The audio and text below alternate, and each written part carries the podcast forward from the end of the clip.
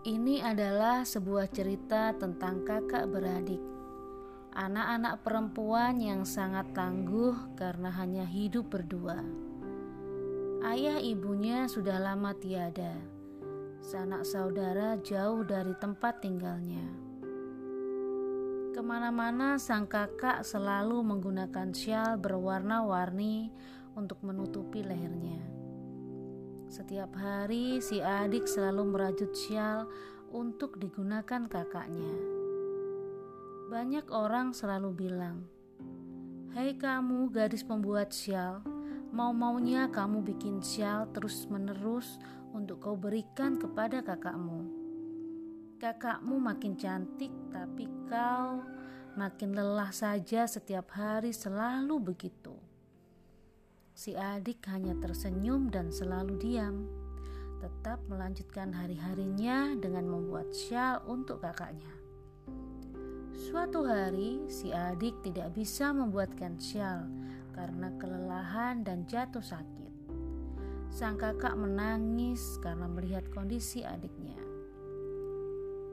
Banyak orang datang dan mencibir kamu memang kakak yang jahat. Adikmu kelelahan dan jatuh sakit gara-gara membuatkan kamu syal setiap hari. Sang kakak hanya diam dan sambil menangis. Adiknya pun akhirnya bicara ke orang-orang yang selalu datang dan mencibir. Hai kalian, kenapa kalian selalu saja berkata tanpa bertanya?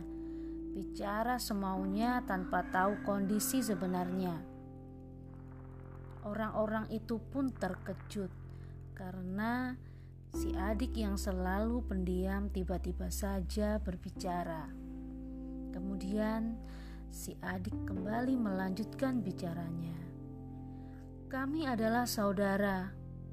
Bagi kami, darah akan selalu lebih kental daripada air. Kakakku alergi udara dingin. Jika dia kena udara dingin, dia akan batuk.